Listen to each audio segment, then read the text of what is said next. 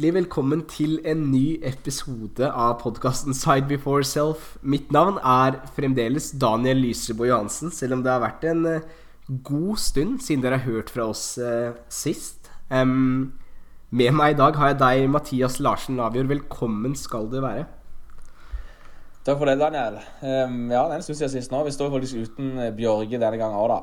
Men uh, vi, vi har vel følt på at vi nå trenger vi å snakke litt Leeds. Vi har ikke snakka så mye sammen sjøl heller. Og i dag har vi egentlig bestemt oss litt for at ja, diskutert veldig lite Leeds de siste ukene sammen. Så liksom det vi får på lufta da, det er på en måte våre første innspill til hverandre òg. Absolutt. Det håper vi blir bra, da. Ja, det tror jeg også. Jeg håper det. Eh, vi prata litt sammen på telefonen i, for et par dager siden, Mathias. Da ble vi enige om ikke prate noe mer sammen. Sånn at vi ikke bruker opp ting til podkasten. For det, det, blir jo litt som at vi skulle hatt en, eh, en helt vanlig samtale i stua, egentlig, Mathias. Ja, vil jo ha det så autentisk som mulig. Det, det ønsker vi. Det, det, tror vi blir bra. Og så må vi jo si at vi syns det, det er jo det har vært vanskelig å spille inn pod eh, i den siste perioden. Jo, jo lenger man holder på med en ting, jo verre blir det egentlig å klare å holde det gående. Og vi er stolte over at vi fortsatt denne podkasten lever ennå. Og det er ikke sånn at Bjørg har gått fra oss ennå. Han er fortsatt inne i Side Before Self-systemet. Men eh, ja, det, det, vi har ikke fått produsert mye i år. Og ofte har vi lovet at vi skal produsere mer enn vi har klart òg. Eh, men dette, det får bli sånn det blir denne gangen. Absolutt. Vi får dessverre ikke Bjørge med oss i dag. Han er på jobb for, for Dagbladet. Eh, og det er sånn, Mathias, vi har sagt eh, ganske mange ganger at vi skal gjøre et eh, et comeback, så vi tør jo ikke å love noe som helst, Mathias. Gjør vi det?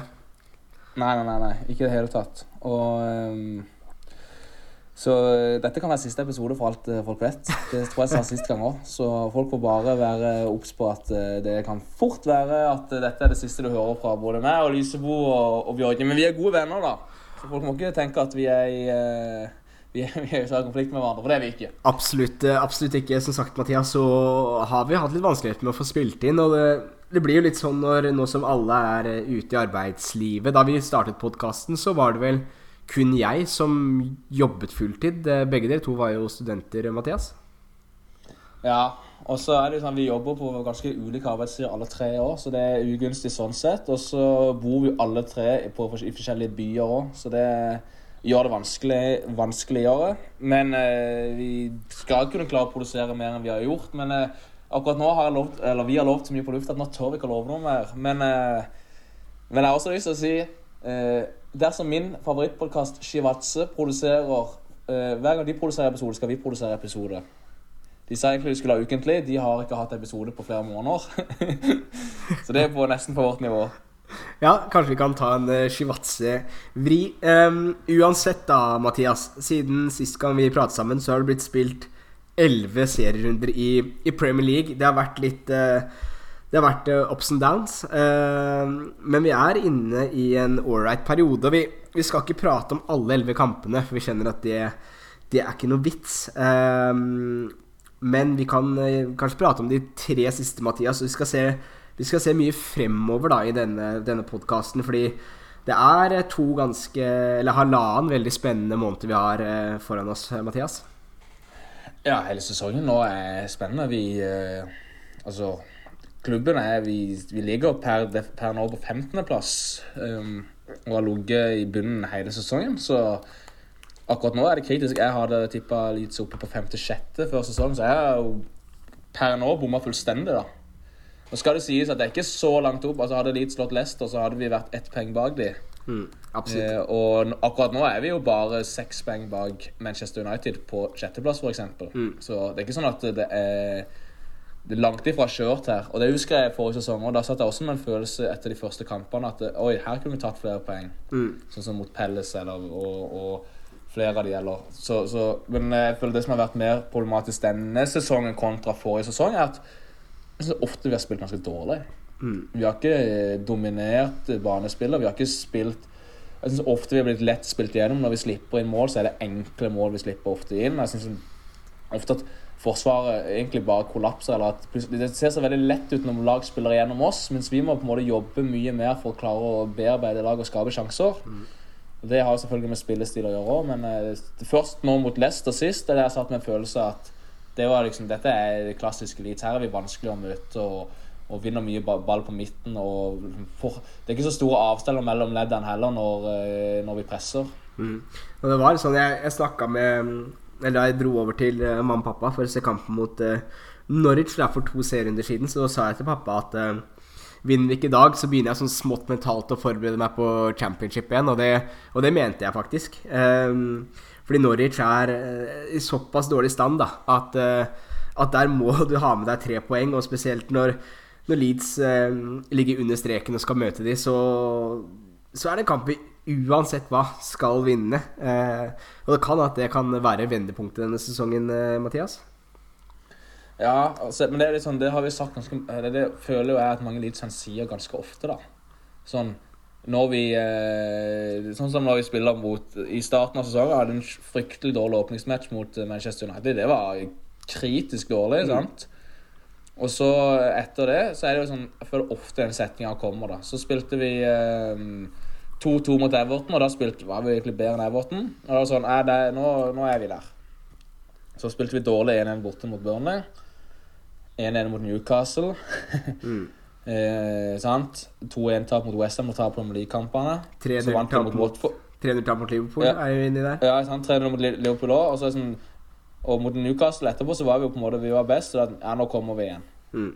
Og, og det samme når vi slo liksom Ja, nå er vendepunktet. Nå slo vi full M i cupen på straffer. Mm. Så Ja, tapte mot West. men- så, så det er sånn, det, jeg føler den setningen kommer ganske Og så slo vi Watfords etterpå. Ja, nå snur det igjen, da. Så, taper, så blir dominert av Southampton borte etterpå. sant? mm. Og så 1-1 mot Wolverhampton. Gellhart. Ja, nå er vi i gang igjen. Men sånn som Så, så Ja, jo da, jeg er helt enig i at, det- at det er en setning som, som ofte blir brukt, da. Uh, forskjellen her da, er at vi vinner mot, uh, mot Norwich. Og Leeds på den tiden her, litt sånn som det er nå, er ganske skade, skadeskutt, da. Eh, og så får du med en god opplevelse mot Leicester inn i landslagspausen. Og så er det, nå er det riktignok Tottenham i neste, med Conte inn der, som blir eh, veldig, veldig spennende. Eh, men hvis det nå da skulle vise at vi, at vi tar poeng i de neste kampene, eh, som er Totten er borte, Brighton borte. Brighton som har gjort det veldig bra i år. Sammen med Crystal Palace har vi hjemme da, om tre kamper. Um, Ja. Og det er eh, Både Brighton og Palace har jo overraska i år, da. Det kan vi jo si. Um, og klart Skulle man sitte igjen med noe etter de tre kampene der, så vil jeg se tilbake på den Norwich-kampen som, eh, som et vendepunkt. Um, ikke at man kan friske med Leeds. Det sa jeg til pappa også etter seieren, at eh, den seieren her var vanvittig deilig. Eh, men vi er jo ikke friskmeldt, fordi det så ikke veldig bra ut borte mot eh, Norwich heller, Mathias. Det var ikke en god match, syns jeg. Jeg syns vi var direkte svake. Vi kunne blitt straffa mye mer òg.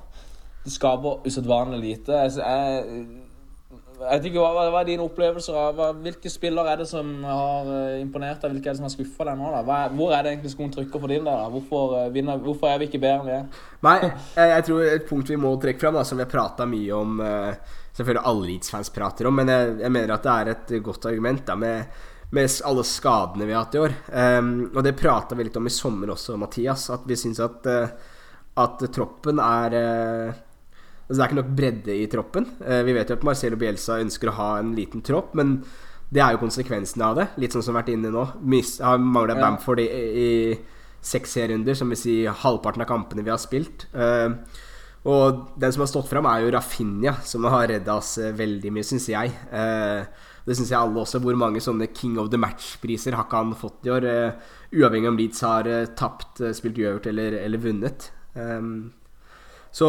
Rafinha er jo Vi er helt avhengig av han. Eh, men jeg føler liksom at hvis vi får tilbake de spillerne fra skade da Firpo ble jo signert i sommer.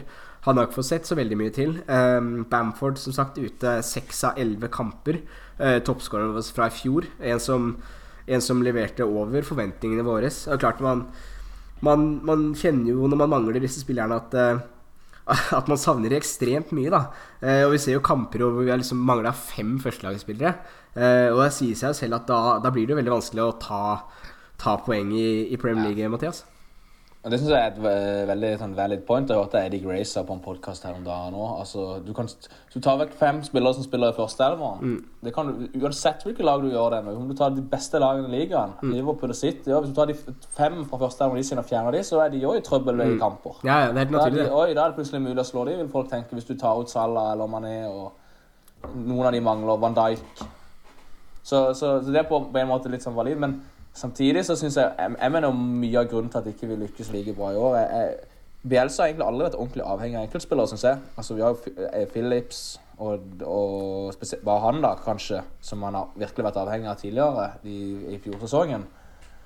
Men eh, jeg, jeg syns ikke jeg, For min del så er det mer det at jeg mener det er spillere som underpresterer. Mm. Og, og i, ofte, i mange kamper. Jeg syns Jack Harrison har vært eh, håper ingen uh, Harrison fra familien hører på her, men jeg syns han har vært direkte svak Mm. i mange kamper. Han mister utrolig mye ball. Han holder på ballen ofte et halvsekund for mye, som vi har snakka om før òg. Han eh, skaper veldig lite. Han brenner sjanser. Han, har, han fortjener ikke å starte etter, i, i min bok. Og så har han også Han har slitt med noen ribbein noe, er det noen som sier, men det vet jeg ikke om stemmer. Så, men uansett så mener jeg at han Rodrigo, en annen som på en måte har vært i perioder, kan glimte til med en scoring eller et eller annet sånt, men han òg ofte syns jeg er direkte dårlig. Jeg syns utrolig mange ballmist når han får ballen spilt opp og ser er feilvendt. Og så vender han i en mann eller på sånn half turns. Han er ofte synes jeg, litt dårlig orientert. Lange touch, unøyaktig. I tillegg så han òg kan bomme på sjanser. Det så vi sist nå. Eh, Så, så han er sånn, jeg syns ikke han eh, Han dominerer ikke kampene, da, for å si det sånn, på midtbanen. Eh, Dallas og Han har jo hatt disse her med venn som døde og alt det, og har vært Men han òg har vært altså, Det er sikkert spilt inn, og han har òg vært svak, dårlig i mange av kampene. Jeg føler jeg. litt, litt sånn som med, med, med Dallas, da, så har han blitt, mye, blitt mye på bekken i år. Uh, på grunn av at vi har manglet spillere. Og jeg mener i alle fall at jeg vil ikke se Stuart Dallas på bekken. Jeg vil se han som, som indreløper. Der tror jeg du er ganske enig med meg, eh, Mathias. Jeg vet ikke, ass. For I fjor syntes jeg han var god som backer, både høyre og venstre. Når han kom på de lange klyvene og disse her rotasjonene de kjører Ofte hvis eh, kanten får ballen langt la, lavt i banen, sånn rett ved midtbanelinja, så setter de i gang sånne veggspill som ender opp med at bekken får med seg ballen og så skyter inn i banen. Og jeg har egentlig likt litt den tanken når han har spilt f.eks. venstreback òg. Så kan de legge om til tre bak, så kan han gå inn og bekle midtbanen sånn i ulike perioder av kampen. Kun for liksom å sette, variere og sette liksom motstanderne under press og gjøre det vanskelig og gjøre oss mindre forutsigbare òg, da. Men jeg synes når han har spilt på midtbanen òg, syns ikke jeg han har vært god. Ikke at han har spilt så sykt mange kamper der, men uh, det er ikke mye han har skapt de gangene han har vært der heller, eller tatt med seg ballen. Eller han har ikke skåret heller, så vidt jeg kan huske. Nei, jeg har ikke noe Og, skåring- skåringer. ja. nei, og ikke noe ass- særlig assister, eller at han har kommet med store bidrag, hverken offensivt eller defensivt. Han, han har ikke fått til veldig mye. Han var god nå sist, men eh, utenom det så har han vært svak.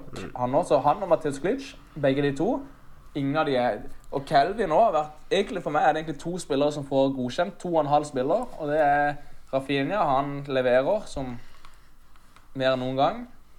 Melier for meg vært veldig bra. Det eneste er den her han slår ballen ut i corner. Ja.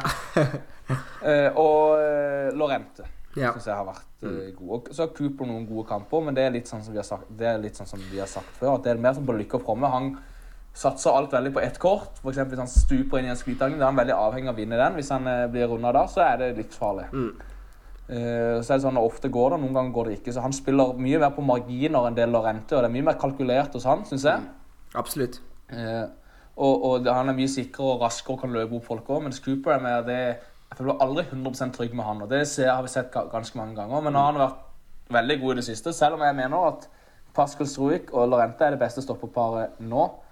Hvis vi, eh, nå har vi ikke sett Robin Koch spille stopper på evigheter, da, men eh, hvis, hvis vi glemmer han litt, så mener jeg at de to, de to har spilt bra sammen, syns jeg. Mm, absolutt. Ja, vi kan jo Vi har skåret for lite mål denne sesongen. Vi kan lese opp at Rafinha står med fem skåringer. Rodrigo med to. Ailing med ett. Bamford med ett. Klish med ett. Og Jorente med ett.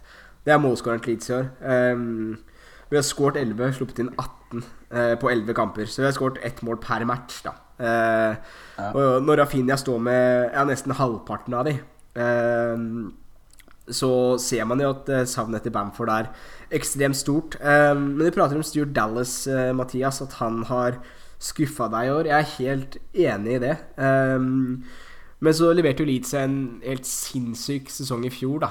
Um, ser vi nå spillere som ja, f.eks. Stuart Dallas, da. Er dette nivået hans? Overpresterte han altfor mye i forrige sesong, eller har han levert langt under der vi kan forvente i år, sånn, sånn egentlig?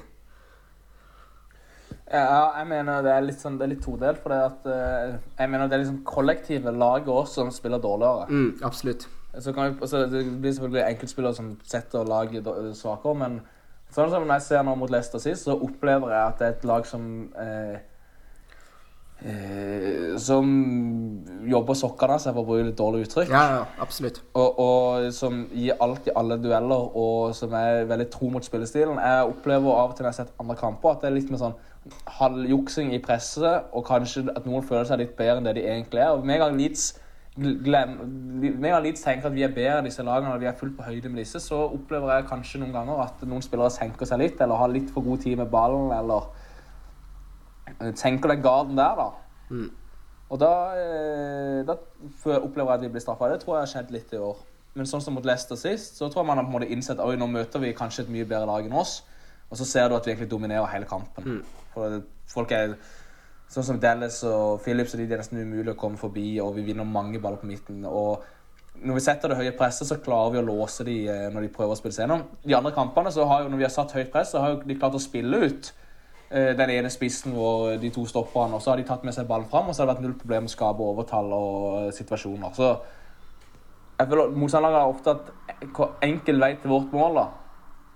Eh, og det tror jeg skylder mye av det press, eh, at vi, at vi har slitt med presspill, og at folk ikke har vært helhjerta der. Og jeg opplever ofte at Rodrigo har vært ofte ganske svak der. Altså. Mm, absolutt. Eh, men da ser vi kanskje på, på dette presspillet hvor mye vi, vi savner Patrick ja, Bamford, kanskje? Ja, og sånn som Dallas og, Dallas og Mateus Klitsjå vinner utrolig få baller nå, kontra det jeg opplevde i fjor. Rent, nå har jeg ikke tall på det, men min hypotese mm. sier at de vinner mange, altså færre baller. Uh, og Derfor tror jeg det hjalp veldig med Forshaw inn nå sist. Mm. For han, han, var med å, å demme opp der. Og så når jeg så på sånn sånn der uh, Hva det heter for noe sånn uh, Det er et kart på hvor spilleren mest befinner seg på banen når vi har ball, eller mm. generelt, da. Og da så det nesten ut som vi spilte 4-4-2 med Rodrigo og James på topp. Og så med Forshaw på høyde med Phillips nesten hele tida. Mm. Og kanskje er det det som at vi er tjent med det, at når vi, har Forshaw, når vi ikke spiller med 200 på og Forshaw ligger lavere, så kan Rodrigo holde på mye mer i det rommet enn enn når vi står med f.eks. Klitsch eller Dalla som går høyere i banen, og så kommer uh, Bruddan da, så jukser en av de hjem. da. Mm. Altså Hvis Rodrigo jukser litt, så Jeg vet ikke, men det kan vel ligge noe der òg. Absolutt, Mathias. Um, men er litt sånn Eh, det sa vi innledningsvis at vi skal ikke, skal ikke snakke for mye om, om gamle kamper. da um, Men etter tap mot Liverpool da, så spiller vi igjen en mot, mot Newcastle. Um, der blir jo Dan James nytt for et solklart straffespark. En kamp vi kunne ha vunnet. Og så kampen etter der igjen, så leder vi mot Westham. Taper uh, på overtid med Antonio. Um, og etter det så, så vinner vi mot Watford. Uh, og så, det, er, det er så mange sånne kamper. Og, Saints er blitt banka. Det er greit nok. Wolves 1-1 hjemme. Um, men med, med, fullt lag, da. Uh, og det er fortere å svartmale denne sesongen sånn som det har vært til nå. Uh, vi ligger på 15.-plass. Vi er fire poeng bak 10.-plassen. Um, vi er ikke langt bak Manchester United heller, som, har, som starta bra, og så dabbet av. Uh, men når vi ser på dette her, Mathias Så mange sånn sett jevne kamper da, vi ikke har å tatt med oss tre poeng i år, da.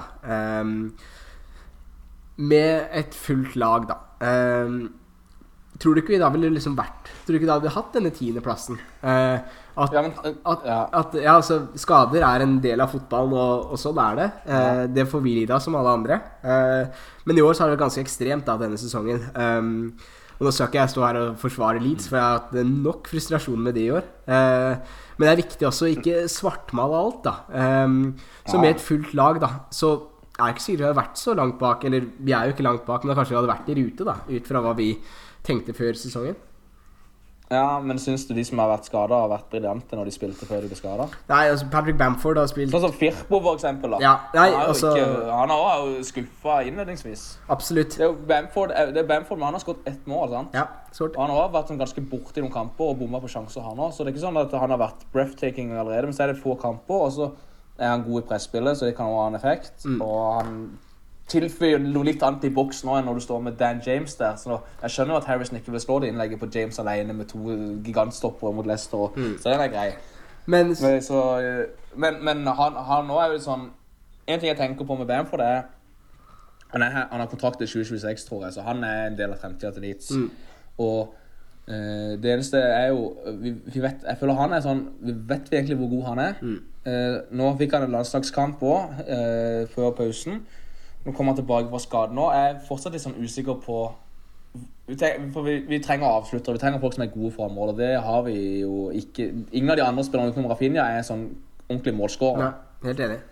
Og, og, og med Bamford, når han var i championship, så sa vi at nei, han er, en, han er egentlig ikke en målskårer, han heller. Nei, nei, Han er, han er, for, dårlig på, han er for dårlig på siste tredjedel. Mm. Og var den beskjeden da. Og så han skåret han en del i fjor, men han brant også en del sjanser i fjor. Så spørsmålet er kommer vi til like mange sjanser nå. Mm. Og uh, kan han ta vare på dem når han er tilbake? Det, og det føler jeg fortsatt ikke helt er gitt. Jeg er usikker. Hans eh, verdi eh, Jeg er spent på hva Orta mener han er verdt, egentlig, for det er jeg ganske usikker på. Mm. Uh, ikke, vi vet fortsatt egentlig ikke helt hva han er. nei. Det en sånn one er det en one season wonder, eller er det liksom en hurricane in the making? Ja. Nei, altså det kan være en one season wonder. Når du prater om Firpo eh, Jeg føler Firpo blir litt sånn som å snakke om han eh, Robin Koch i fjor. Jeg føler ikke man har sett nok av Sett nok kamper til å liksom skulle, skulle si om dette er en god eller dårlig signering. Eh, når han kommer inn i et, eh, i et nytt lag Han prater vel også om det at, eh, at det faktisk var en ganske stor overgang å gå fra, fra FC Barcelona til til Leeds med tanke på treningsmengde og detaljer og dette her. Eh, og klart at at det er nok en innkjøring der også. Eh, Bamford, som sagt, da, som leverte helt sinnssykt godt i fjor. Eh, mer enn hva vi hadde forventa. Eh, jeg syns det blir vanskelig å si ut fra fem kamper der også. For da har han spilt mot eh, Manchester United, han spilte mot Everton, han spilte mot Burnley, Liverpool. Eh, ikke sant? Og det er liksom eh, Man United som starta bra, eh, Liverpool som er veldig bra. Eh, og så er det ikke noe dårlig lag i, i Everton heller, ikke sant. Så jeg, jeg føler liksom ikke man har sett nok av Patrick Bamford i år da, til å skulle si at ja, han hadde utgjort så og så mange mål eller han hadde vippa de og de kampene. Um, Nei, føler Så det går litt begge, det går litt begge veier, da. mm, Absolutt. At eh, vi kan ikke, Jeg syns det blir for lett å si at ja, vi har ikke vunnet kamper pga. Bamford har vært borte. Nei, nei, Det er ikke gitt, mener jeg, da. Men samtidig som at uh, kanskje er det en grunn til at vi har tapt At ikke vi har vunnet mer òg, at Bamford har vært borte. Absolutt. For å motsi meg selv. Altså, det er vanskelig egentlig å vite det sånn helt konkret, mener jeg. da Det- Jeg mener han er sånn, Det er litt åpent kort, faktisk. Mm, det blir jo synsing. Eh, det gjør det jo. Men hvis du sier Rafinha er borte, så vet du at det er, for, kan være en gigantforskjell. Samme med Philips. Bamford er mer sånn Jeg vet ikke ennå. Samtidig så har Rodrigo vært ganske svak når han har spilt spiss. altså. Og vi har få andre alternativ. Eh, skal jeg være ærlig, så skulle jeg ønske at uh, Joe Gellard hadde spilt mye mer. Han har vært frisk når han har kommet, eller han har vært frisk i den ene kampen der han faktisk kom inn og fikk litt tid. Absolutt. Og, de han var, og vi hadde liksom badespill fra før, og han ble involvert. De andre kampene han har spilt, har han ikke vært involvert noe særlig. Mot Arsenal ble han ikke involvert noe særlig. Mot Fulham fikk han nesten ikke noe ball i ligacup. Og det samme når han kom inn eh, Hvem var det? Han kom, han kom jo inn en annen kamp også, i Premier League. Men så han men han er jo noe à la det med Rafinha, føler jeg, da, at han kan skape noe litt alene. Han er ikke avhengig av de der klikk-klakk-spillet og, og mange bevegelser for at ting skal skje. Han kan ta med seg ball forbi presseleddet, eller gjøre det litt på egen hånd. Det så man jo For det kan Rafinha Det så man mot Wolverhampton, Mm, blant annet. Eh, men eh, vi snakka litt eh, om Mathias tidligere at, uh, at, synes at, at Leeds som, som lag har sett svakere ut denne sesongen enn i fjor. Um, og vi har bl.a. spilt med både Rodrigo og Dan James oppe, da. Um, og vi snakka om presset og det å vinne tilbake ballen. Um, da jeg spilte i Championship, så prater vi om at Bamford var så ekstremt god til dette. At han er førstemann som presser, at det starter helt Ja. oppe. Uh, og det er jo noe i hvert fall jeg savner veldig, da. Um, man ser ikke det samme i, i Rodrigo. Dan James har, har fart, men det er heller ikke det samme der. Ikke sant? Samme med når Bamford har evnen til å holde på ball, sette opp. Og den ser jeg ikke like mye i Dan James eller Rodrigo. Uh, så jeg, jeg, jeg tror faktisk at det å få Bamford tilbake igjen um, En ting er at vi har brent altfor mye sjanser i år. Um, men bare den delen av spillet, da. Som vi vet at du får med Ja. Patrick Bamford. Vi vet at han jobber hardt, at det er et godt press der, og han kan holde på ballen. Jeg tror faktisk at at dette kommer til å bli veldig viktig. da At han kommer til å, å spille Altså være en god bidrag, bidragsyter denne sesongen også. Ja. Jeg håper du har rett, og det kan godt være også. Det som skuffa meg mest, er egentlig når vi snakker om Rodrigo, egentlig link-up-spillet hans. Sånn utrolig mye svakt link-up-spill. Han Eh, det der å, å, å spille på, små flater i, mellom eh, forsvaret og midtbanen til motstanderne, og kunne klare å tre gjennom James eller Harrison eller Rafinha eller en liten chip eller et eller annet sånt ting. Mm. Jeg trodde han hadde mer i seg der. Nei, det skal ikke avskrive han helt ennå. Han er med i landslaget nå. Han har skåret mål, han har vært viktig. Ja, ja, han skåret en straffe og alt det der. Så han er, han er per definisjon fortsatt kanskje min elver, men eh, jeg har ikke vært særlig eh, Det har vært skuffende å se han som spiss. Dan James syns jeg eh, eh, har egentlig Jeg ser han for mye kritikk. Jeg syns egentlig han har klart seg ganske bra. skal jeg være helt ærlig. Han har, av vår, jeg mener han har vært topp fem spillere i Leeds eh, den siste tida. Eh, han eh, jobber knallhardt. Han, han gir oss en annen dimensjon med at vi kan spille i bakrom og komme forbi pressledd på den måten. Flere ganger lykkes vi godt med det mot Leicester. Han, han, ja, han jobber knallhardt. Han løper opp utrolig mange farlige situasjoner når motstanderen har ballen. Og han funker bra i presspillet når han spiller spiss òg. Han er pliktoppfyllende og tar i løpene og kan skape situasjonen, kan skape straffer. Både så vi jo eh, annet mot Newcastle og andre steder òg. Så eh, det eneste med James, eller det er to ting med han, da, det er jo sluttprodukt. Avslutningsmessig har han vært veldig svak. Og så er det jo det der én mot én-situasjoner der han, når han har tatt ned farta og kunne kanskje utfordre å dra seg forbi en mann eller to, det, det har han ikke helt i arsenalet. Men jeg syns han er en bedre spiller enn Harrison. Eh, Så jeg vil jo mye Jeg mener han Uansett det er sånn, eh, Harrison er sånn, det avhenger litt av motstanderne om han har en god dag eller ikke. Mens James, med den farta han har og de, lø, den, de løpene han tar med under Bjelsa sånn, uansett, uansett så har, er han en trussel.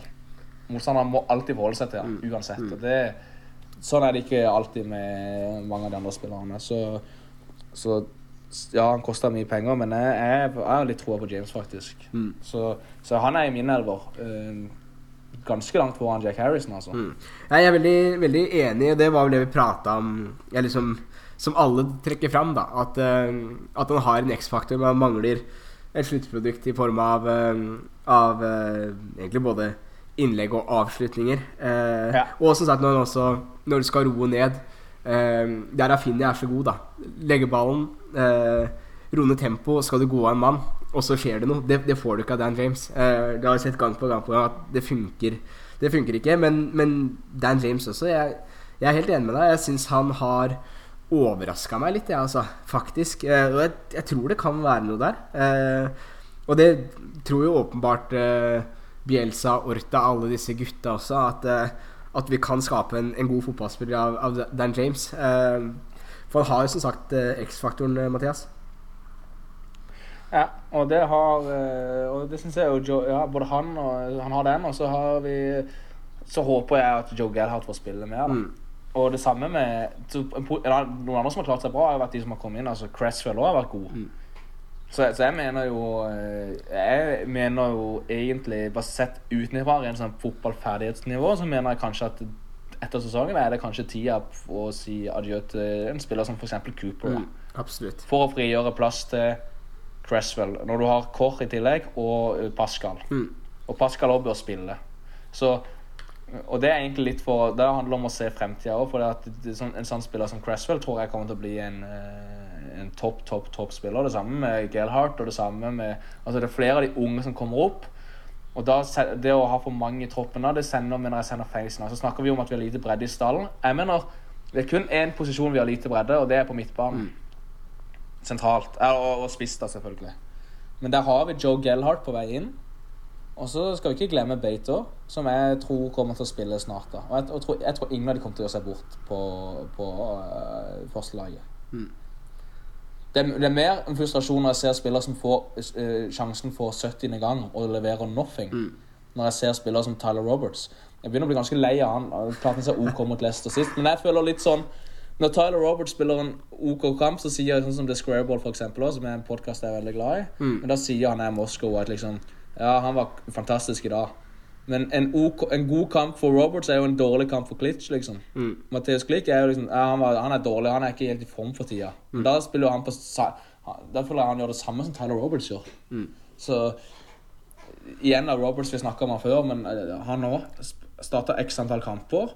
Er jo ingen sluttprodukt, ingen mål. Svært lite målgivende. Ingen kreativitet med å skape Kunne dra for, tre gjennom andre, eller et link-up-spill, eller, eller gjør noe som får folk til å reise seg på tribunen. Svært lite av det. Han er OK dribler OK til å holde på ball og kan dra en mann av og til, men det blir aldri noe Jeg føler at det er sjelden Oi, nå skapte vi en stor sjanse pga. Tyler Roberts. Det, det tror jeg nesten alle har opplevd. Så jeg føler det, det er tida for å Da må du heller hive inn Joffrey, mener jeg. da. Og det er litt sånn også sånn eh, Man tåler mer enn eh, middels eller dårlig kamp fra type Gellert enn en Roberts. Ja. Eh, og Roberts er litt sånn Vi har prata en god del om Roberts i denne podkasten her også, at han, han kan være veldig sånn frustrerende å se Roberts, fordi han er jo ikke Man blir stadig vekk overraska når man ser hvor gammel han er. Eh, men likevel så har Roberts vært med såpass mange år nå da at når du setter inn Roberts, så forventer du at Eller man kan forvente at okay, han skal tilføre noe.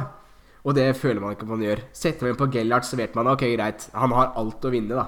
Eh, der, der Robert kanskje heller har alt å tape. Så Ja. så ja, det er absolutt på tide. Og det er, det er nok noe de tenker på også, at eh, dette er nok fort siste sesong til, i hvert fall Cooper. Da, som du sier, da har du Cressfield, du har Jorente, Pascal og, og Robin Koch, da.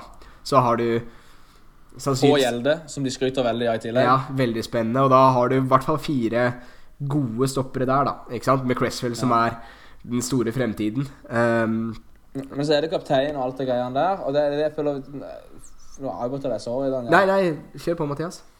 Men det, det liksom, jeg føler er litt casen og eller noen sånne store sånn problematiske evner er, emner er jo det at nå er det sånn, sånn, sånn som Cooper, sånn som Dallas og eh, Eiling og den gjengen der. Championship-gjengen som har tatt oss opp, som har på en måte overprestert. Det er sånn, Vi er i en sånn overgangsfase.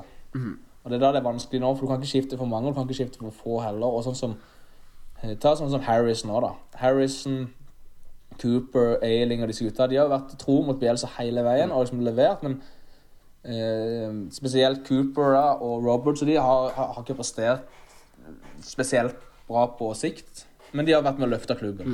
Så er det sånn, skal du kaste de ut nå, det er ganske grotesk og brutalt.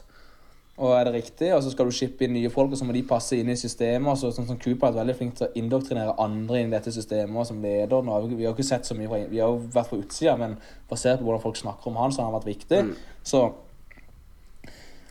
men, så det, jeg syns det er vanskelig, og det synes jeg opplever jeg, Noen ganger er det nesten sånn at jeg får vondt av Rafinha. Når jeg ser på liksom, noe, noe av medspillerne, måten de noen ganger de spiller i løpet av kamper, tenker hvorfor vil han være her når liksom, dette er det man får igjen? da, og liksom, Han skaper så mye. Han kunne sikkert skåret fem, seks, syv, åtte mål til. Hadde det vært eh, noen kvalitetsspillere ved siden av han som kunne tredd han opp. Så så eh, det er noen ganger jeg sitter litt med den følelsen der på eh, at liksom disse spillerne er ikke bedre. Nei. Og det gjelder spesielt Roberts og eh, ja. Så så treng, Vi savner jo egentlig en ordentlig sånn Vi savner jo litt Pablo, da. Å kunne sette inn en spiller som Pablo i eh, kamper der vi liksom trenger, trenger å snu det, da, eller i, tilføre noe litt annet. Jeg savner det en, en sånn skikkelig kvalitetsspiller på midtbanen, spesielt i siste, siste tredjedel. Som kan linke opp med Rafinha, eller linke opp med Rodrigo i bakom, eller linke, opp med James i bakom, noe sånt noe.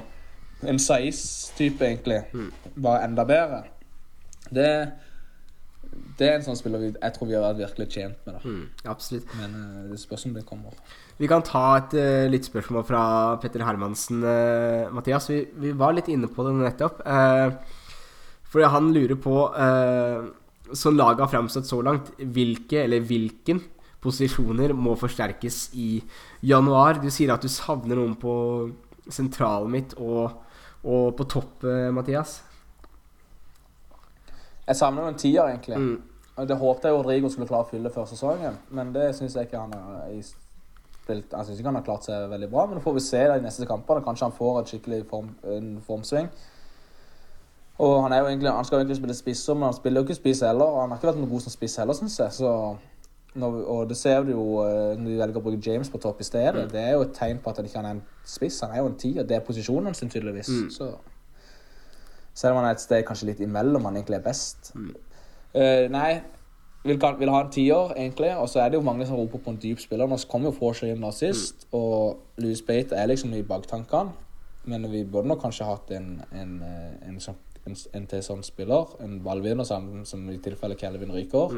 Vi, kan ikke, vi kan ikke begynne å spille Det er et dårlig tegn når du spiller Pascal Struik eller Robin Koch i den, den dype rollen. Det har funka veldig dårlig. Så Det, det, tror jeg vi- det har vi ikke råd til, tror jeg, på sikt. Nei. Og så er det jo Hvis vi kunne hatt en en spiss til, da. En som kunne utfordra Bamford. Men samtidig er det, jeg synes det er vanskelig, for jeg vil ikke ha en spiss som tar opp plass, som blir en sånn Tyler Roberts 2.0, og så står Gellert der og ikke får sjansen. Så det er et sånn vanskelig dilemma. da. Mm, absolutt. Hvor mange skal du ta inn? Folk sier det er et tynt tropp, men samtidig så har vi veldig mange gode lovende spillere som er på vei opp. Og jeg syns Shackleton har klart seg greit på bekken nå, når han har spilt. sant? Så Det er sånn, det, samme, det gjelder jo Ailing. sant? Hvor lenge skal, skal man forlenge med Ailing? Som egentlig kanskje har vært en av de vi har savna mest i år, men han var ikke veldig god når han spilte, han heller. Men du har jo Dramme og, og Check som på en måte er klare for å ta opp den kampen der òg. Mm. Og Dallas kan spille på høyrebekken òg, så det, det, det er ganske vanskelig case. Jeg vet jeg snakker Jeg tømmer meg egentlig bare nå, men Ja. eh, Nei, det er helt uh... jeg, jeg, Vi trenger ikke stoppere. Kanskje hadde vi hatt bruk for en til venstre vekk. Vi trenger ikke høyre vekk. Dyp Ja, mener jeg. En tier. En indreløper tier-type som er best i den siste tre. En Rodrigo de Paul, en, en, en sånn type. Kommer aldri til å slippe gi slipp på han eh, Rodrigo de Paul. Nei, de, en sånn skulle vi trengt. Jeg føler ikke vi trenger kanter. Der har vi nok eh, Det er ikke der skoen trykker nå. Helt enig. Og på topp så Ja, kanskje du, du, kunne gjort seg med en sånn Shay Adams-type, men Jeg spiller nå Joffy heller, da, sier jeg. Mm. Men uh, vi har kanskje sett han for lite til å egentlig si det.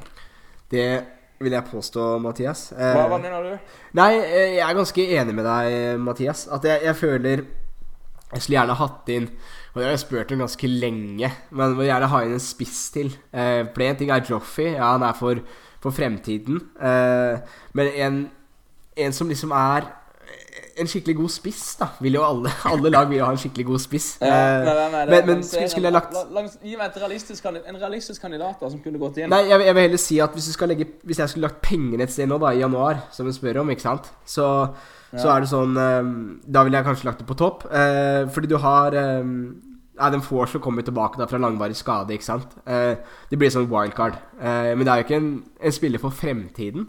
Men en spiller som kommer veldig godt til nytte denne sesongen, tror jeg. Absolutt. Det å få Force inn der, så har du en en spiller som Marcelo Bielsa er veldig glad i. En spiller som har spilt lenge under Marcelo Bielsa. Selv om han har vært skada, så har han vært i klubben lenge. Han vet hva som kreves av han. Han vet, kan systemet til Marcelo Bielsa. Så sånn sett så, så blir det på en måte en Kall det en ny signering med erfaring, da. I og med at han har vært borte såpass lenge. Um, Så er det én takling.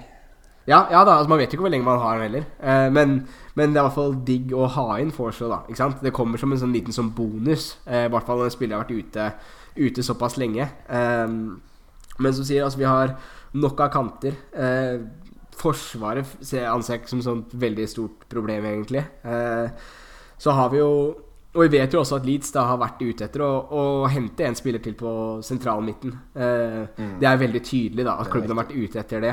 Eh, og de har jo også hatt lyst på Det er jo frustrerende å se på f.eks. Conor Gallagher gjør, da. Så hvor, hvor Ja. bra han gjør det i Crystal Palace. Eh, som kunne vært et Eller jeg er helt sikker på kunne vært eh, veldig fin spiller for klubben vår også. Uh, Ja, han hadde passa så bra inn når du ser hvordan han spiller. Ja, det er helt- det er helt vilt. Det er akkurat det vi har trengt, egentlig. Så. så man blir litt sånn forbanna av å se på Crystal Palace i år, fordi man ser han herjer hver gang. Så Ja, det det. Så Crystal Palace har vært en sånn, det blir nesten sånn nemesis det året her. Fordi man vet at Leeds var såpass nære da med å få, få Conor Gallagher. Det, det virka i hvert fall som at det var veldig veldig nære. Um, Ja. Men jeg har ikke noe navn å dra på av hatten. Men klart Altså, tallene lyver jo ikke, da. At vi har skåret for, for lite mål i denne sesongen. Ehm, Mm. Elleve mål på elleve kamper. eh, minus sju. Eh, altså, det ser ikke veldig fint ut, selv om en 15.-plass er ikke krise. Vi er bare fire poeng bak 10.-plassen. Og vi vet at Patrick Bamford snart er tilbake. Eh, men det er veldig, veldig lett da som fotballsupporter å rope til en spiss. Det, det gjør man jo uansett. Eh, men der skulle jeg gjerne hatt inn en til. Samme med sentral midt. Resten syns jeg egentlig er, er greit. Du, du snakker om, om Cresswell, som er en mann for fremtiden. Dra med Sobi mot Arsenal, en mann for fremtiden. Uh, Gellart, som kommer inn mot Wolverhampton, en mann for fremtiden. Ikke sant? Så, så det er spennende. Summerwill. Ja, Bate. ja, ikke sant? Og disse gutta også, Summerwill har fått sett litt av. Uh, Bate har vi fått sett klipp av, i hvert fall jeg, fra, fra Jeg har, sett ungdomskampene. han, jeg har sett han en del i Jeg har sett noen under 23 matcher. Jeg syns han Han minner meg veldig om Louis Cook. Ja, ja, det er kult. Det er en eh, Og eh, ekstremt rask og kvikk og god eh, Ja, god, veldig god fot. Kan ta, dra forbi ledd, ta med seg ballen gjennom ledd. Eh, så jeg synes han, Det er kanskje en sånn spiller som jeg tror vi kommer til å få se faktisk i løpet av sesongen. mm, Eh, Det har vært veldig Nå var han med i troppen sist år, så det har vært veldig kult om han eh, Og det trenger vi kanskje litt òg. Eh, så er det sånn Forsvar syns jeg er vanskelig, da. For det sånn, eh, Jeg snakka med min far, og han er veldig glad i Forshaw. Han og Bjelsa har jo sagt at har, har vist, Nå leste jeg De Atletic i dag. Da sa Bjel, har Bjelsa visst sagt i private samtaler at han mener Forshaw er liksom, det er Champions League-nivå for han. Og han sa jo når han var i klubben i starten, at Forshaw, er den beste spilleren her. mm, Så Og han har en ro med ballen som kanskje vi, som vi trenger nå. Måten han kombinerer med spillere. Så kanskje er det akkurat det vi trenger nå, når vi ser sånn Klitsch og Dallas har underprestert både med og uten ball. Så er det kanskje få en frisk pust der. Det kan være riktig. Samtidig har han kontrakt ut sesongen. Jeg, per nå har jeg ikke lyst til å forlenge med han. Da må det være sånn pay as you play-kontrakt. For det, Da må vi- må heller få inn en annen seniorspiller inn i en sånn rolle som er litt mer uh, reliable, en du kan stole mer på. For det. Nå har Porsche stått vært ute i den Det var fire år siden han spilte med 90 minutter, eh, vel. Mm. Sånt nå i Premier, så, i Premier League, så Så ja. Nei, det, Det er vanskelig med han, men det kan være at han er den som eh, er med og snur det nå, da. Ja, absolutt. Og Men så, og, så, og så vil jeg bare si Daniel, unnskyld, men eh, en annen ting som jeg syns er litt vanskelig akkurat nå, eller som er tricky, er det med at ja, vi ligger på 15.-plass og alt det der, og det er ikke krise. Og på en måte ja, på en måte nei. Jeg mener, når du ser på de beste spillerne våre Hvis Leeds spiller sånn som vi har gjort nå, havner på 15.-16.-plass, da mister du Calvin Phillips med en gang. det litt uh... Da mister du Rafinha. Vi snak, nå snakker de når folk har kjøpt seg enda mer inn. Man snakker Rafinha eh, Radrazani snakker på sånne toppmøter om at vi skal komme topp seks innen tre år eller fem år, eller det er der vi pusher mot. alt sånt. Det er så viktig at man klarer å beholde noen av de beste spillerne sine. Ja, Rafinha kan det godt være vi mister for 1 milliard eller 800 mill. eller 700 mill. Mm. Der må vi bare sørge for at de pengene går til å utvikle klubben, sånn at ikke vi mister Joe Gelhardt eller de neste som kommer opp og er briljante. Så Uh, Og så føler jeg at eh, så derfor er jeg så, Og så føler jeg også at Bielsas presspill og måten vi spiller på sånn med en gang du, Hvis du får mye motgang med det spillet der, og det er mannsparkeringene, så tror jeg folk mister litt troa på det. Med en gang du mister litt tro eller nøler et halvsekund med å gjøre, stå, stå høyt i press, da, eksempel, eller spille de mann-mann-situasjonene, da, da faller det korthuset fullstendig sammen. Sånn er veldig avhengig av at du tror på det de driver med òg. Og det har jeg opplevd i perioder nå i denne sesongen. At er litt sånn Opplever ikke alltid at det har skjedd, men mot Leicester var det knallbra. Men det har vært veldig få andre kamper du sitter med en skikkelig god følelse etter kampen. At her vant vi både taktisk og ferdighetsmessig. Absolutt. Og det, du starter litt på det sporet jeg har lyst til å sende deg inn på, Mathias. Fordi Petter Hermansen har følger opp med et spørsmål, han eh, eh, Mathias. Han lurer på hvor lenge er det mulig å beholde Rafinha? Hva gjør Leeds uten han? Totalt nakne framover når han er ute. Ehm, og det er litt sånn, hvis jeg snakker med kameratene mine også, da, um, så er det jo det han der Rafinha for en spiller han kommer til å få mye penger for. Uh, hvor skal han? Skal han til en topp, topp, topp klubb? Eller skal han til en bedre klubb enn Leeds, da? Ikke sant? Um, og det er litt sånn Jeg føler i hvert fall at dette er en litt sånn selv om folk snakker om den vanskelige andre sesongen og bla, bla, bla, bla, bla eh, Men denne sesongen her er litt sånn make it or break it for Leeds, tror jeg, fordi at ehm, Isolert sett så er det ikke noe krise om, vi skulle, om Leeds skulle havne som nummer 11-12 i år. Ehm, da har du klart sesong nummer to i Premier League. Bra, ikke sant? Vi er fremdeles i Premier League, og du kan bygge klubben videre. Men så har du spillere som Callum Phillips og Rafinha. Åpenbart gode nok for topp, topp klubber. Um, og du snakker om dette korthuset som kan falle sammen, Mathias. Uh, og Marcelo Bielsa er en godt voksen mann, ikke sant? Um, så disse spillerne, da, som Rafinha og Callum Phillips, som vet at hadde de vært uten kontrakt i dag, eller kontrakten gikk ut 1.1., så hadde det vært mange klubber som hadde stått i kø for å signere de. Eh, og Leeds må jo eh, prestere på et visst nivå, da, hvis de skal få med seg disse videre. Eller hva, hva tenker du der, eh, Mathias? Ja, for å få dem med seg videre, og også for å holde de fornøyde. For når jeg ser av Rafinha prøver å lese de ansiktsuttrykkene hans noen ganger, da, og eh, det er klart, en forbanna Rafinha, det er en Rafinha du får mindre penger for i overgangsmarkedet. Så la oss si for eksempel nå, da. La oss si Liverpool legger inn et et bud på nå han, Folk sier han er verdt 300-400 millioner norske kroner, altså 40 millioner pund. Noen sier han er verdt en milliard. Men la oss si de legger inn en milliard i januar, da. 29. januar legger inn en milliard. Hva gjør Leeds da? Da mener jeg i utgangspunktet at vi har egentlig ikke råd til å miste den, For da er nedrykk da mener, Basert på hvordan vi har spilt nå, så er nedrykk in the making da. Vi har ikke råd til å miste en sånn spiller i januar. Én ting er på sommeren når du får tid til å hente erstatter, og de bør ha planlagt erstattere nå, i tilfelle hvis det skjer. Så det er én ting. Eh, En annen ting er, la oss si det budet kommer på 700 mil eller 400 eller 500 mil, da. Og Leeds har spilt elendig. Da er det jo klart at da føler jeg Raffa er en sånn type Nå vet jeg ikke, da, det er vanskelig å si, men jeg frykter at han kan være litt sånn eh, litt superstjerne med at uh, plutselig ikke møter opp på trening eller krangler med bjelse, eller whatever. da. Et eller annet som skjer der, da. Gnisninger som gjør at du nesten er tvunget til å selge han da, eller det blir uharmoni. uharmoni. Jeg håper ikke det er tilfellet, og det virker basert på intervjuer før sesongen, og sånn, så han stortrives han jo litt. Så Li- og Bielsa sørger for å få ham på landslaget og alt, så det er en sånn Men hvis vi spiller bra, da, og kommer kanskje på åttendeplass, eller dominerer flere kamper, eller niende, så Og i sommer investerer kraftig og viser at du vil satse og utvikle, da er det jo lettere å si at ja, men bli, da. Ja, du har to år igjen av kontrakten. Bli og så spill ut denne sesongen nå, og så se hvor vi ligger da. Og hvis vi kommer på topp seks, så forhandler vi. Ja, ja. Eller altså Og, og, og, og en ting er sånn som Ja um, Rafinha ja, han har mindre verdi på han når han er ett år igjen av kontrakten, eller ett og et halvt. Ja, det har han. Det er helt klart. Men ikke så mye, for han er ganske ung. Han er 24, vel. Eller 25. Så det er, sånn, det er fortsatt ti år igjen av han. I hvert fall åtte da, på toppnivå. Og, en, så, og jeg mener jo kanskje at hvis Leeds har ambisjoner om å komme helt til toppen, så mener jeg at det, spørsmålet bør være eh, Rafinha, hva skal til for at du blir i Leeds? Hva må vi gjøre for at du blir her? Eh, Lønnsmessig, spillermessig. Altså, Du må på en måte tilfredsstille og Det samme med Calvin. da. Hva skal til for at du spiller karrieren din ut i Leeds?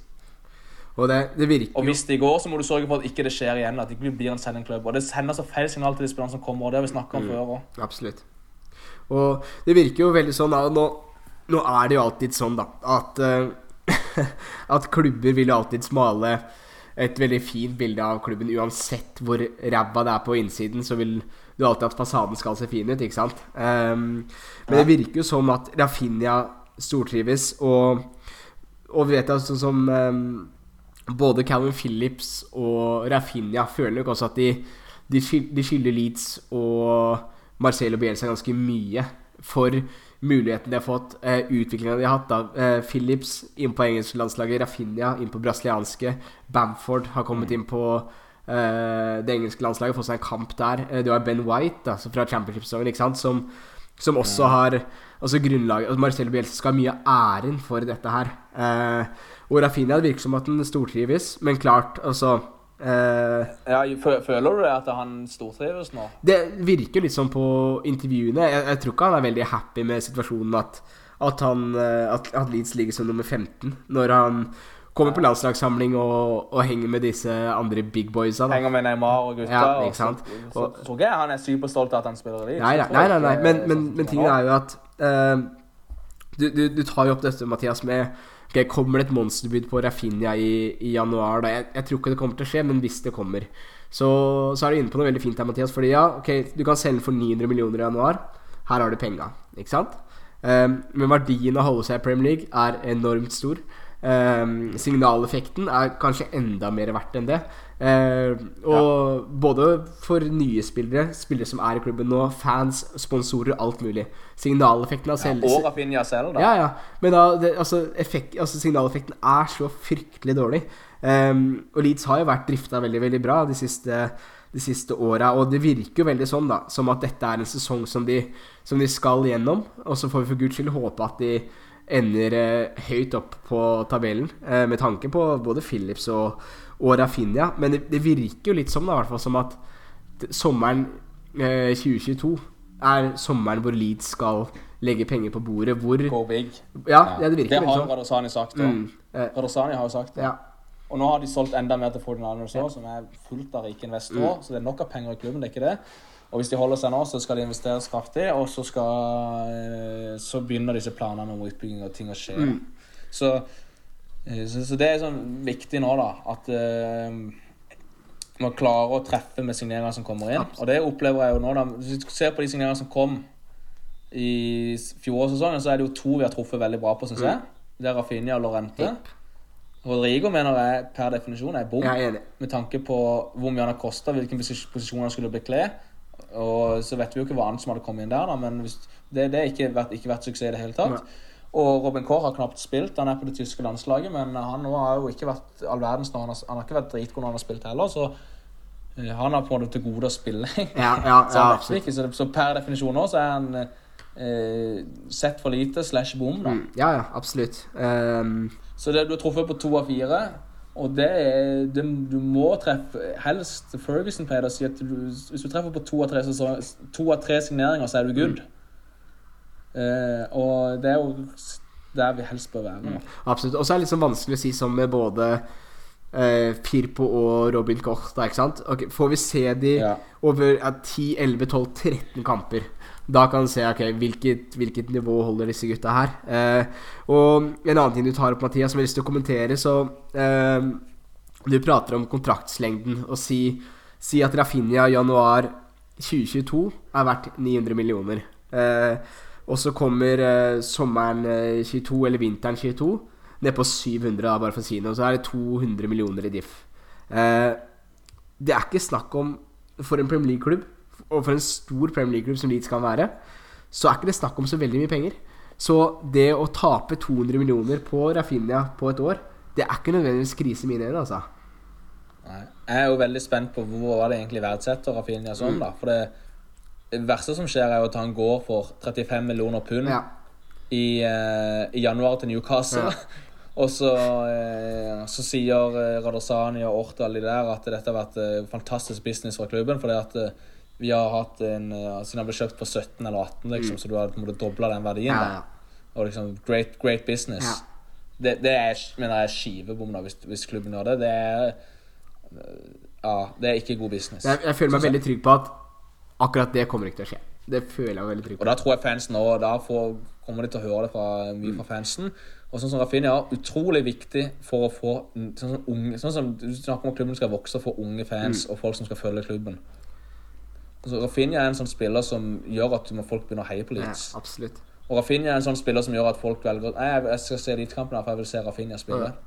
Rafinha gjør at du får 50 000, 60 000 på stadion regelmessig. Han er en sånn spiller som gjør det. Absolutt. Kelvin også er en, er en spiller som får folk på kamp, men ikke i like stor grad som Rafinha. Så Rafinha er på en måte must see TV. Ja, det er litt som da I hvert fall min første store kjærlighet er jo, er jo Harry Kuehl. Eh, med Ja. nummer ti på ryggen. Og også for eh, ja, barn som er født i 2010, da, og oppover, ikke sant, som er eh, 10-11 år nå. Eh, det er på en måte deres Harry Kuehl. Eh, det er fortere til Ja. å, dra de linjene med nummer ti på ryggen. Eh, en vanvittig underholdende spiller å se på, da. Så er nok de på en måte den generasjonens Harry Kuehl. Det, det vil jeg tro. Og jeg er helt enig med deg. Eh, Rafinha er en spiller du har lyst til å betale penger for å se spille fotball. Eh, og klart, er du en nøytral supporter også, da, eh, og du skal velge mellom å se Brighton Burnley eller, eh, eller Leeds Palace, så velger du kanskje Leeds fordi at de har Rafinha. Eh, for det er mannen du har på fantasy-laget ditt. Det er mannen som underholder deg. Så sånn sett også en vanvittig viktig spiller, eh, Mathias. Eh, Ja, jeg syns han er helt ekstremt god. Eh, han, han er, det som skiller han fra mange andre vinger, er at han er så god i forsvarsarbeid. Han vinner mange baller, og han jobber knallhardt for laget. Og så, angrepsmessig også, så det er jo veldig få spillere i verden jeg tar foran han på en høyrekant. Så han, han går inn i de fleste lag i hele verden, faktisk. Det som også er kult med Og det er ganske rått å tenke på. Absolutt. Og så hvis du ser Rafinha Si du ser Du har aldri sett Rafinha spille fotball før. Du får se 40 sekunder på YouTube. Eh, hvis du ser på eh, spilleren hvordan han ser ut, og, og disse highlightsene du plukker fram, så vil du tenke Ja. at det, dette er en luksusspiller, ikke sant? Eh, men så ser du kampene og ser at han er så vanvittig hardtarbeidende, da. Eh, og det er litt sånn eh, en fordom da man kan ha mot sånne type vinger som Rafinha. At ja, det er en mann som får, Ja. får ballen servert, og så gjør noe Det er enveisspiller. ja, veldig. Det lett å tenke. Eh, at dette er ikke en, det er ikke en lagspiller, dette, dette er en individualist. da Og så ser du Rafinha spille fotball, og så har han alt det andre også, eh, som er utrolig kult. Eh, vi har fått prate en del om, om Rafinha og overgangsvinduer og alt det, Mathias. Eh, Stian Syvertsen han eh, lurer på hva er den beste midtbanekonstellasjonen med alle friske og med høyest tak. Forso inn, f.eks. Klisj kan han bli sittende på benken. Hva, hva er din ideelle midtbane i, i dagens Leeds-lag, eh, Mathias? Nei, det er jo Da Vinci-koden, det. Ja, det er det. Um, den er ikke lett akkurat nå. Nei. Ikke, i det hele, ikke i det hele tatt. Um, Calvin er jo bankers, Helt enig. mener jeg. Så lenge han er frisk. Så Calvin er inne, så er det jo to andre posisjoner, da. Og da er det sånn, Når Forshaw spiller, så kan du spi han kan spille litt dypere. Og han kan ha, og også gjøre at Calvin kan gå på noen løp oppover i banen, så han kan på en måte bekle den dype òg. Så vi kan på en måte rotere og rodere litt på det.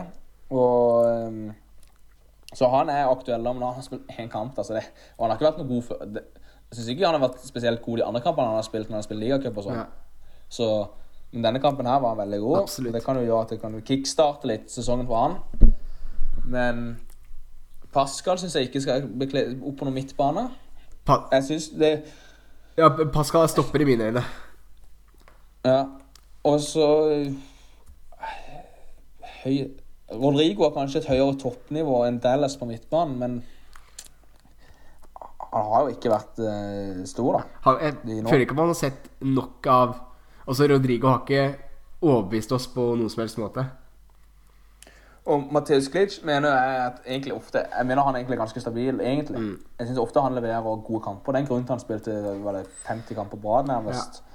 Og han òg har hvis, Han kan komme litt i skåringsformer, han kan skåre litt mål. Han gjorde i hvert fall det før. Og kan skyte det fra alle distanser, så det kan deles òg, så Mens Rodrigo det, han, kan, han, han skårer jo, han òg, noen ganger, men det er jo litt sånn Jeg føler ofte han treffer midt på keeper.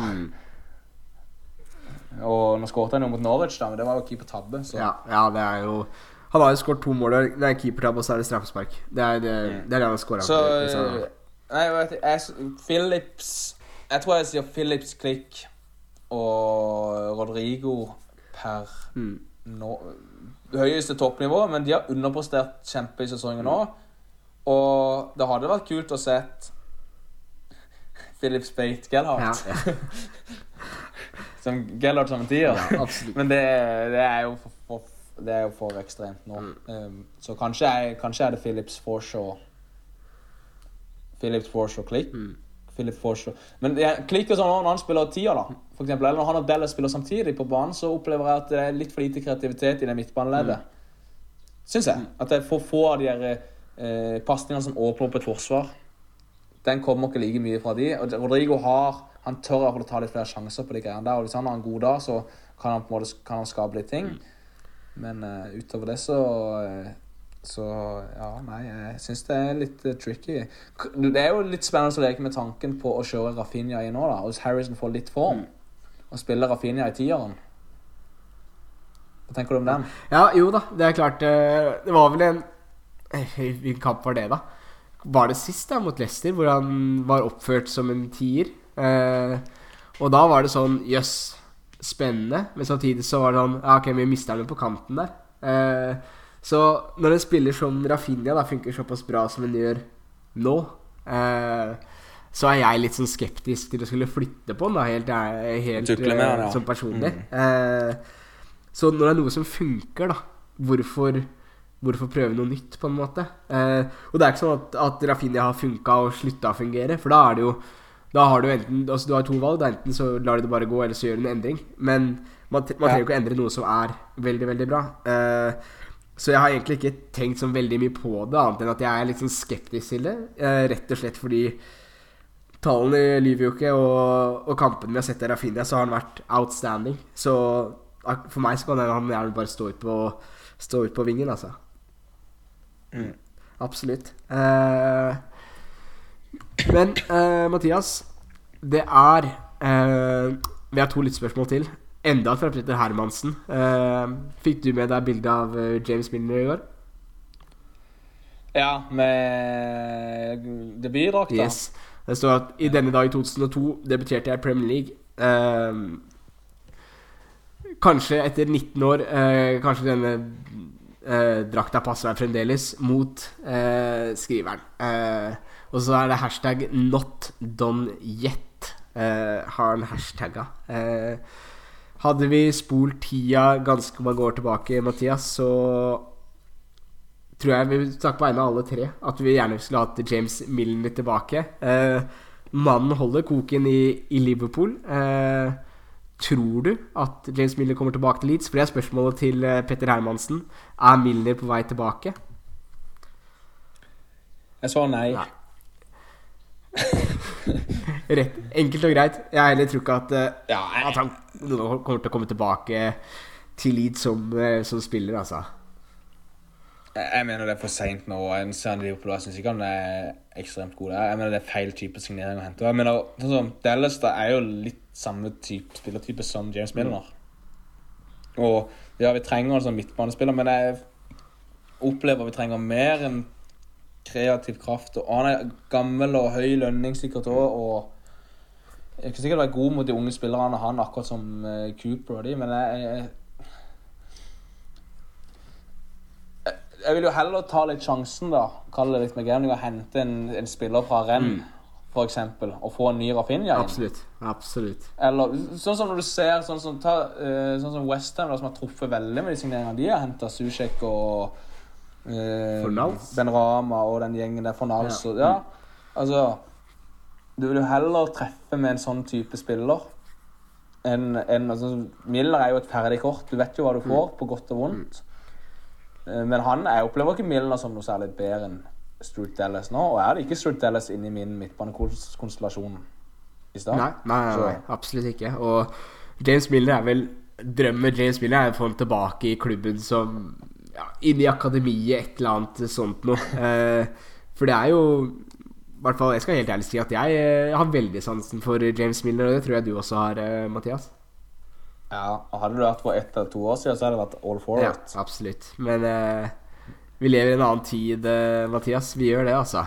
Eh, og godt er vel også det. Eh, dagens siste lyttspørsmål, Mathias, er fra Bjørnar Havnen. Eh, han sier at han gleder seg til en ny episode. Det er jo veldig hyggelig å høre. Og han lurer på om vi har planlagt noe tur bort for å se Leeds denne sesongen. Vi kan starte med deg, Mathias. Har du, har du vært inne og sett på flybilletter, hoteller, drømt deg bort til en eller annen match? Eh, ikke ennå, nei. Eh, jeg har eh, ikke Nei, jeg har, jeg har faktisk ikke sett Skal være helt ærlig, så har jeg ikke sett nøye på det. Jeg har egentlig ikke tenkt at jeg skulle over denne sesongen. Jeg har jo veldig lyst, selvfølgelig, men det er jo det der billettkjøret, og så skal det jo passe med jobb, og eh, så skal det passe, så vil du gjerne reise sammen med noen òg. Så jeg har eh, Utgangspunktet er ikke. Ikke foreløpig. Men jeg ser ikke bort ifra at hvis det plutselig dukker opp en mulighet i slutten av sesongen at, eh, og hvis noen andre står klare òg, at jeg hiver meg med. Så jeg vil jo veldig gjerne ha Leeds, oppleve Leeds i Premier League. Det har jeg ikke gjort på kamp, så det har jeg til gode. Og vil jo også gjerne se Rafinha live, da. Sant? Det òg har jeg til gode, så um, Så jeg har ikke planlagt noe, men jeg vet at du har, Daniel. Ja, jeg har begynt eh, nedtillingen, egentlig. Eh, jeg hadde egentlig ikke noen sånn veldig store planer. Eller jo, jeg pratet litt med en kompis om vi kanskje skulle dra og se Chelsea Leeds. Eh, kameraten min holder med Chelsea i, rett før jul. Eh, og da venta vi på at kampene skulle settes opp og alt dette her. Eh, men så kom pappa inn fra sida og sa at han ville på familietur. Så vi skal over og se kampen mot Brentford. Fått fiksa fire billetter. Se på henne. Så ja, endelse Pontus igjen. Så vi har fiksa fire billetter. Hele familien skal på kamp. Det blir veldig gøy.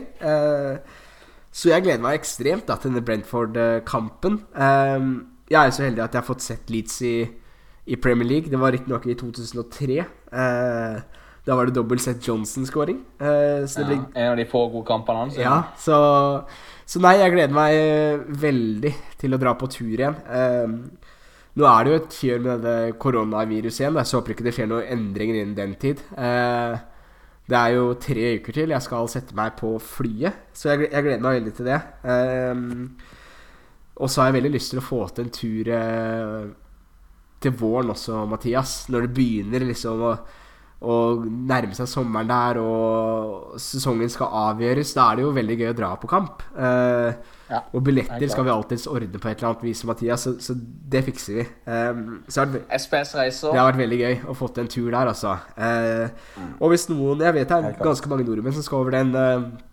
denne helgen. Uh, hvis det er noen som lytter til podkasten og skal over på kampen mot Brentford, så send gjerne en melding på Twitter eller Messenger eller hva som helst, for jeg er gira på å møte medsupportere. Det er alltid, alltid veldig, veldig hyggelig, altså. Det høres, det høres bra ut, eh, Daniel. Det, det misunner deg den Eller misunner deg, unner deg den å få se den matchen. Å få se disse gutta eh, live igjen. Det har vært lenge siden du har vært over nå, så sikkert godt, det. Det blir veldig godt. Eh, Mathias, siste delen av podkasten, så skal vi se litt framover. Fordi det blir noen veldig spennende halvannen måned. Jeg sa det i stad, da. Vi, I november så møter vi Tottenham borte, Brighton borte, Palace hjemme. Eh, men det er jo desembermåneden som er mest, eh, mest sexy her, eh, Mathias. Ja, det dine ord. Det Det er jo en blytung, eh, blytung måned med mange tøffe kamper. Vi kan risikere å stå uten poeng nesten i, eh, med så tett Det er jo tett kampprogram òg, men uh, vi har altså Den måneden kan gå gjennom det. Vi har I desember så har vi Først har vi Brentford hjemme, den du skal på. Det mener jeg egentlig er en must win. da Helt enig. for, et, for etterpå det så har du Chelsea borte, City borte, Arsenal hjemme, Liverpool borte, og så Aston Villa hjemme, som avslutter desember måned. Så det er en knalltøff måned. Tradisjonelt så pleier jo ofte Leeds å være gode i desember, så kunne du fått en rekke her med noen seire mot disse topplagene, så er jo mye gjort, og da har du snudd mye av sesongen. Men eh, det er klart Får du mange tap på rad her, og en litt sånn halvsur Rafinha og skepsis til systemet, så kan man se mørkt på det igjen. Absolutt. Men får man seier og gode opplevelser her, så kan man begynne å se opp mot topp eh, topp syv, topp åtte. Så, så sesongen er fortsatt ganske åpen, da. For det, for det er fortsatt ikke en stor luke opp til de eh, Vi har bare spilt elleve kamper, så det er ganske mye Altså, det er veldig mye igjen, og momentum kommer jo først nå i de neste kampene. da Absolutt. så litt synd at vi har så tøft kampprogram akkurat da. Men det er klart, får du seire da, så er det jo det sekspoengskamper i kampen om topp topp åtte. Jeg hører at du, du drømmer litt, Mathias, og jeg, jeg drømmer litt selv, jeg. Fordi sist eh, terminlista så sånn her ut, det var vel april 2020. Um, og da hadde vi en ganske solid rekke, Mathias. Da var, er da var det jo seier mot, uh, mot City, og vi tok poeng mot uh, alle de gutta her, da. Så se for deg nå, nå skal jeg drømme litt her. Uh, drar til Du klær, du klær. Drar til London etter landslagspausen. Drar med poeng mot Tottenham. Brighton tar de ned i sør der. Og så er det Palace hjemme. Og så kommer Brentford, og så bygger man litt momentum her nå. Og så klarer vi å plukke litt poeng, da. Eh, godbiten kommer selvfølgelig Liverpool på boxing day. Eh, da Ja. vet eh, Jeg skal samle mine kamerater. Jeg er ganske sikker på at du skal samle dine kamerater også. Det- skal jeg. Jeg har en Liverpool-venn som arrangerer sånn Boxing Day-opplegg hvert eneste Mm. år. Så det er en personlig en must win, da, eller i hvert fall en U. Ja. Eh, Blytungt med tap, tap, tap der. Helt enig. Dette blir også vår Jeg lurer på det er åttende eller sjuende år med sånn boxing day-tilstemning. Og endelig, da, så skal man møte Fordi uh, i fjor spilte jo ikke Leeds på boxing day, så det var jo meganedtur. Men, men i år så blir det, det er Liverpool på boxing day, altså. Og ta på Altså så litt tidlig på morgenen. ja, da. halv, det er fint, halv to. Ta poeng der, da. Så er jo boxing day Altså, den er jo, Du har runda boxing day allerede da, og klokka er ikke mer enn tre. Det hadde vært veldig deilig. Eh, så man håper jo på da, Mathias, å bygge sånn momentum. Men klart, når man ser programmet, så blir det liksom både Chelsea og City borte. Eh, 11. og 14. Eh, så det blir da lørdag og tirsdag. Eh, så man først reises til eh, Stamford Bridge, og så skal man på, på Etiad. Det er ganske, det er ganske brutalt, Mathias. Ja, Det er en veldig tøft. Også, så, så det, er sånn, det er jo det er så viktig å få et momentum nå, da. Så jeg har jo litt tro på at man kan få Hvis vi spiller opp mot sånn som vi spilte mot Leicester, at vi kan ta, klare å kanskje få en sjokkseier borte mot Tottenham nå. Og, og så øh, tror jeg også Jeg, mener det er mulig å få ni poeng på de tre neste hvis man, øh, hvis man får klare å bygge et momentum basert på det som skjedde mot Leicester. Mm. Men jeg, jeg blir heller ikke overraska om vi taper de tre neste mot eh, Brighton og Palace. Men det er klart, hvis du vinner de tre neste, eller får syv poeng der, så er jo mye gjort med tanke på at, at nedrykk er desto mye vanskeligere å få til. Mm. Og, og, man kanskje kan og, få en, og vinne den kampen mot Brentford òg. Og så kan man gå inn i det knalltøffe programmet mot disse her superlagene og kanskje nøske til seg noe da. Og da, da er plutselig sesongen snudd, da. Så vi skal ikke være vi har vært, Det har kanskje vært litt sånn tøff, tung podkast med tanke på at vi har vært ganske kritiske til ganske mange ting. Men jeg blir ikke overraska om Altså, Dallas og, og den gjengen der har jo overraska oss. Og Bamford og disse her vi har avskrevet og pekt ut. Plutselig får Roberts en kanonsesong. Mm. Plutselig bøtter han i mål i neste kamp og blir skyheit. Mm. så, så, kan, så skal jeg være den første til å applaudere han. Så, ja. så, og, og er det én ting Bielsa har vist, er at han kan få altså, De spillerne vi har avskrevet altså Se på Forsjø, da. Hvor mm. mange har ikke avskrevet han, da? Mm. De, de, de, de, han avskriver, de har en tendens til å komme tilbake. Så jeg vil ikke avskrive Tyler Roberts helt. Samtidig har jeg litt lyst til å gjøre det for at han skal prestere bedre. Absolutt. Nei, det blir noe veldig, veldig spennende halvannen måned, eh, Mathias. Um, jeg tenker før vi begynner å runde av, så har vi jo prata om at det har vært veldig mye skader denne sesongen. Uh, vi har fremdeles uh, Patrick Bamford ute. Shackleton er vel uh, litt sånn i grenseland, sammen med Firpo. når kan forvente å se Bamford tilbake, Mathias? Har du lest noe om, lest om det en plass? Det eneste jeg har lest, er at det er veldig vanskelig for klubben å bedømme. Mm. Det er visst en sånn skade som er du må på en måte, Det handler litt om om man kan spille med smerte eller ikke, og syns jeg Bjelsa sa på sist pressekonferanse. Så det er veldig du er, Det er fortsatt uh, ganske uvisst, det der. Og ofte opplever jeg med Bjelsa at han, når han er i intervju og svarer, så er han er klar om en uke. så kan han, Det sa han om Kokk, nei, det er bare en liten greie, og så er han plutselig ute i måneder. Mm. sant, så det, var, det, er vanskelig å si med han, men Firpo og Shackleton er jo rundt hjørnet. Da er det jo egentlig nesten Da er det jo Bamford og Kor vi mangler. Mm, absolutt. Og da er ikke den skadelista så, så, lang lenger. Men eh, jeg tenker at Og så håper vi at Joffy blir eh, klar. da Det er veldig uflaks at han ble skada. Ja, er, så ikke han kunne spille sist kamp. Det er verst mulig timing for en, eh, for en unggutt som banker litt på døra, det, altså. Det er det. Så, men han var visst heller ikke noe big deal. Og nå sto, sto han over landslaget nå med U20 år. Mm. Så det er jo kanskje et godt tegn for oss at uh, han nå får han mulighet til å hvile og, og klargjøre seg, og så skyte fart igjen. Mm, absolutt.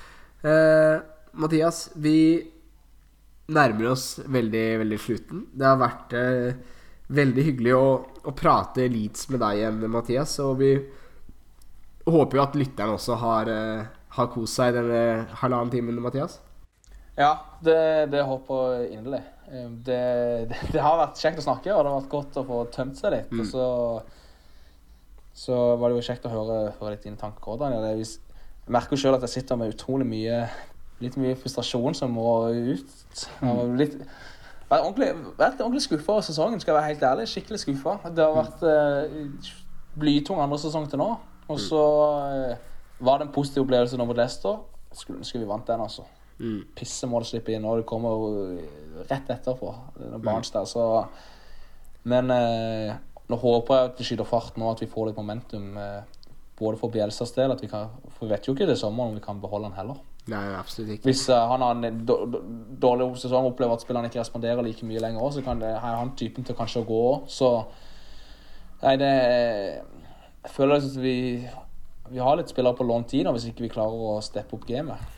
Absolutt. Nå har det jo Det meste har jo gått uh, Leeds sin vei, da, så lenge den podkasten har levd. Og kanskje vi skal Hvis det ikke går, så må vi bruke som sånn uh, Leeds terapipodkast, uh, muligens. Ja. En, uh, en ny fotballpodkastsjanger er kanskje in the making.